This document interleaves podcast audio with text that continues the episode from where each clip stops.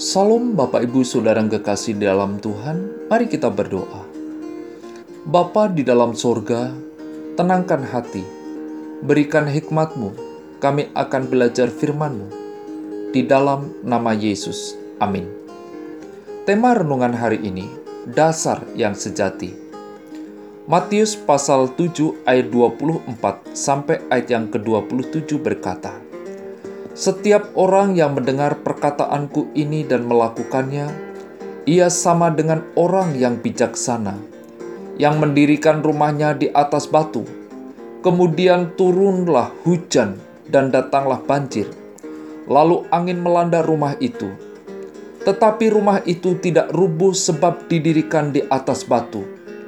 Tetapi setiap orang yang mendengar perkataanku ini dan tidak melakukannya, ia sama dengan orang yang bodoh yang mendirikan rumahnya di atas pasir. Kemudian turunlah hujan dan datanglah banjir. Lalu angin melanda rumah itu, sehingga rubuhlah rumah itu dan hebatlah kerusakannya.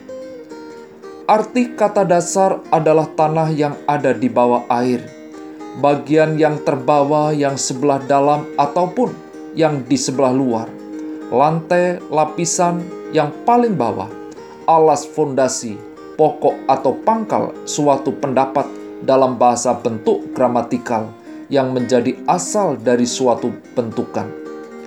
Sedangkan arti kata sejati adalah tulen asli, murni, tidak lancung, tidak ada campuran.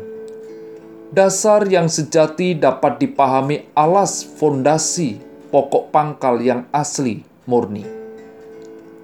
Dari perikop yang kita baca, Yesus adalah seorang yang ahli kitab suci dan ahli dalam masalah-masalah kehidupan.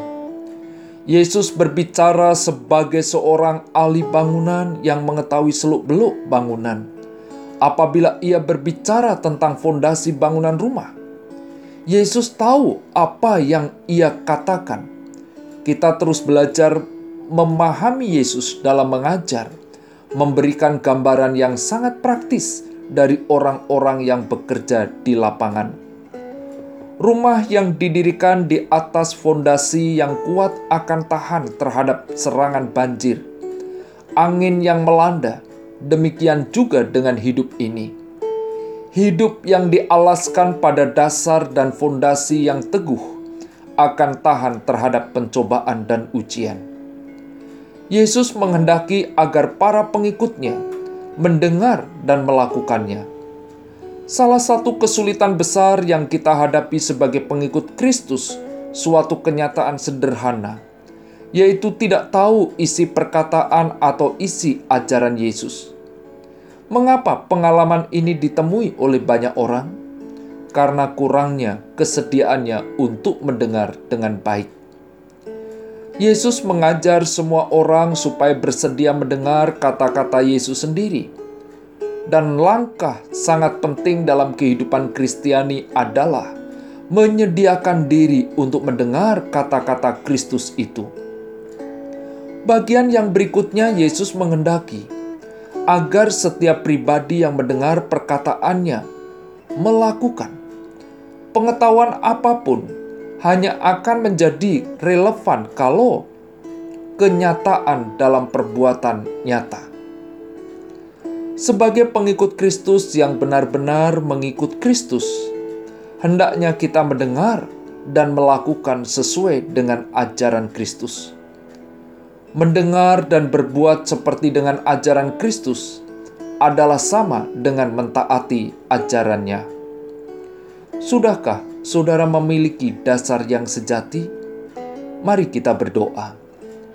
Bapa di dalam surga, memiliki dasar yang sejati akan memberikan kebahagiaan di dalam hidup ini, yakni belajar mendengar firman dan melakukan firman. Berikan kemampuan di dalam diri kami, di dalam nama Yesus. Amin.